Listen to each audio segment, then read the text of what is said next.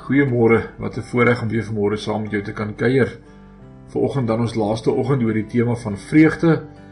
In hierdie tyd het ons gesien dat om ware vreugde te geniet, soos wat Jesus dit wil, is om in die eerste plek 'n totale haats surrender aan hom te maak. Ek deel met jou 'n gedagte wat ek glo die Heilige Gees so rukkie terug aan my geopenbaar het. Jesus het 'n totale surrender aan God se wil op aarde saam met ons kom leef. Johannes sê hy het onder ons kom tabernakel kom tent opslaan. Hy het net gedoen wat hy sy Vader hoor sê het.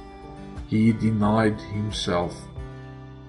Was dit self vir die seun van God maklik om dit te doen? Nee, ek dink nie so nie. Veral nie as ek lees van Jesus se gebed in die tuin van Getsemane nie. Dat dit alles behalwe maklik was. Maar hier is die kruks van die saak. En ek wil graag 'n voorstel by jou laat deur die volgende vraag te vra. Wanneer het die geestelike oorwinning van die kruisiging dan plaasgevind? Die oomblik toe alles in die geskiedenis op daardie stadium vir ewig verander het. Kon dit wees die oomblik toe Jesus in Johannes 19 vers 30 uitgeroep het: "Dit is volbring" en sy laaste asem uitgeblaas het. Then he bowed his head and surrendered his spirit to God. The Passion Translation. Of was dit dalk toe hy in die doderyk die sleutels van die dood by sy vyand afgeneem het?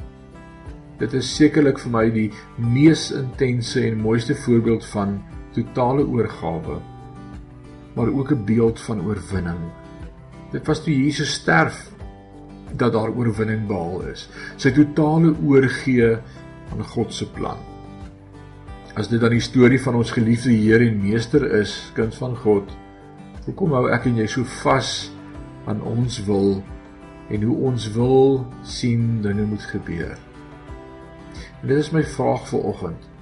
Is dit wanneer ek sterf in myself en in my pogings en in my beheer wat oorwinning waarlik kom? Hierdie is so moeilik. Dit gaan dus beteken dat dinge nie altyd gaan uitwerk soos wat ek dink dit moet uitwerk. Om Vader onvoorwaardelik te vertrou dat hy die saak sal hanteer en dit sy wil sal geskied. In die tweede plek het ons vir mekaar gesê dat hierdie joy, hierdie vreugde nie 'n menslike emosie is nie. Dis nie 'n goed voel nie.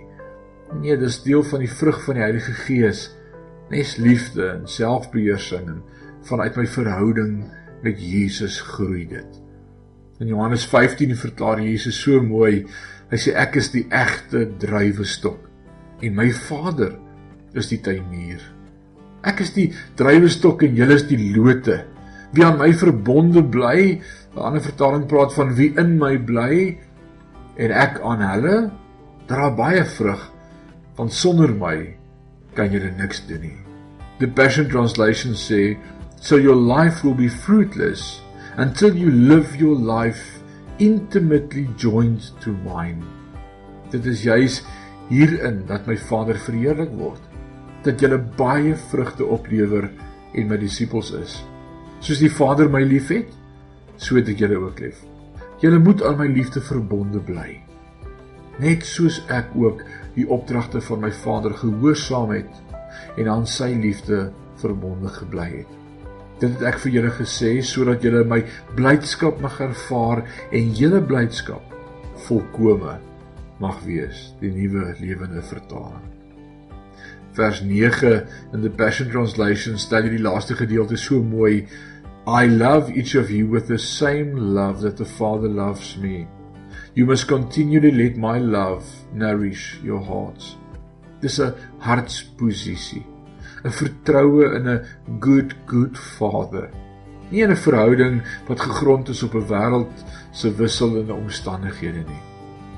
Ons het ook vir mekaar gesê dat daar wel 'n rede is vir moeilike tye en dit is 'n suiwering van ons geloof. Ek wil amper sê die skoonmaak van ons hart. Hoe anders sal ons God leer ken?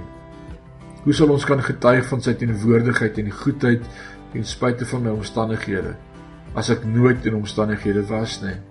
Hoe anders sal ek die vastigheid en sekerheid van sy karakter en voorsienigheid leer ken en kan beleef? Hoe anders sal ek gekonfronteer word met die goed in my hart plekke waar ek tog nie toegelaat het dat Jesus deur sy Heilige Gees sy lewe bring nie. Seer plekke wat sy genesing nodig het. Vergifnis en vryspraak wat ek moet doen. Beheer wat ek moet oorgee, juis sodat hy sy lewe in volheid kan bring. In Psalm 107 en 118 en 136 en talle ander verklaar aan sy liefde is daar geen einde nie. Jesus wil jou help. Hy wil jou deurdrenk met sy volkomme liefde. Laat asseblief toe dat hy jou hart aanraak in hierdie dag. Gee oor aan Jesus. Ek sluit vanoggend dan hierdie reeks van vreugde af met die volgende uit Johannes 14 vers 27 en ek lees vir jou uit the Passion Translation. As Jesus sê, I leave the gift of peace with you, my peace. Not the kind of fragile peace given by the world, but my perfect peace. Don't yield to fear or be troubled in your hearts. Instead, be courageous. Kom ons bid saam. Vader, baie dankie vir u woord. Dankie vir die Heilige Gees. Dankie dat u elkeen van ons vashou in die holte van die hand en met ons op pad stap. Dankie vir u vreugde. Dankie dat my vreugde nie gaan oor my omstandighede nie, maar oor my posisie met God. Ek wil vandag bid Vader dat hierdie woord vir elkeen sal waar word, dat die vreugde en die blydskap van die Here ons beskutting mag wees. Ons eer U daarvoor in Jesus naam. Amen.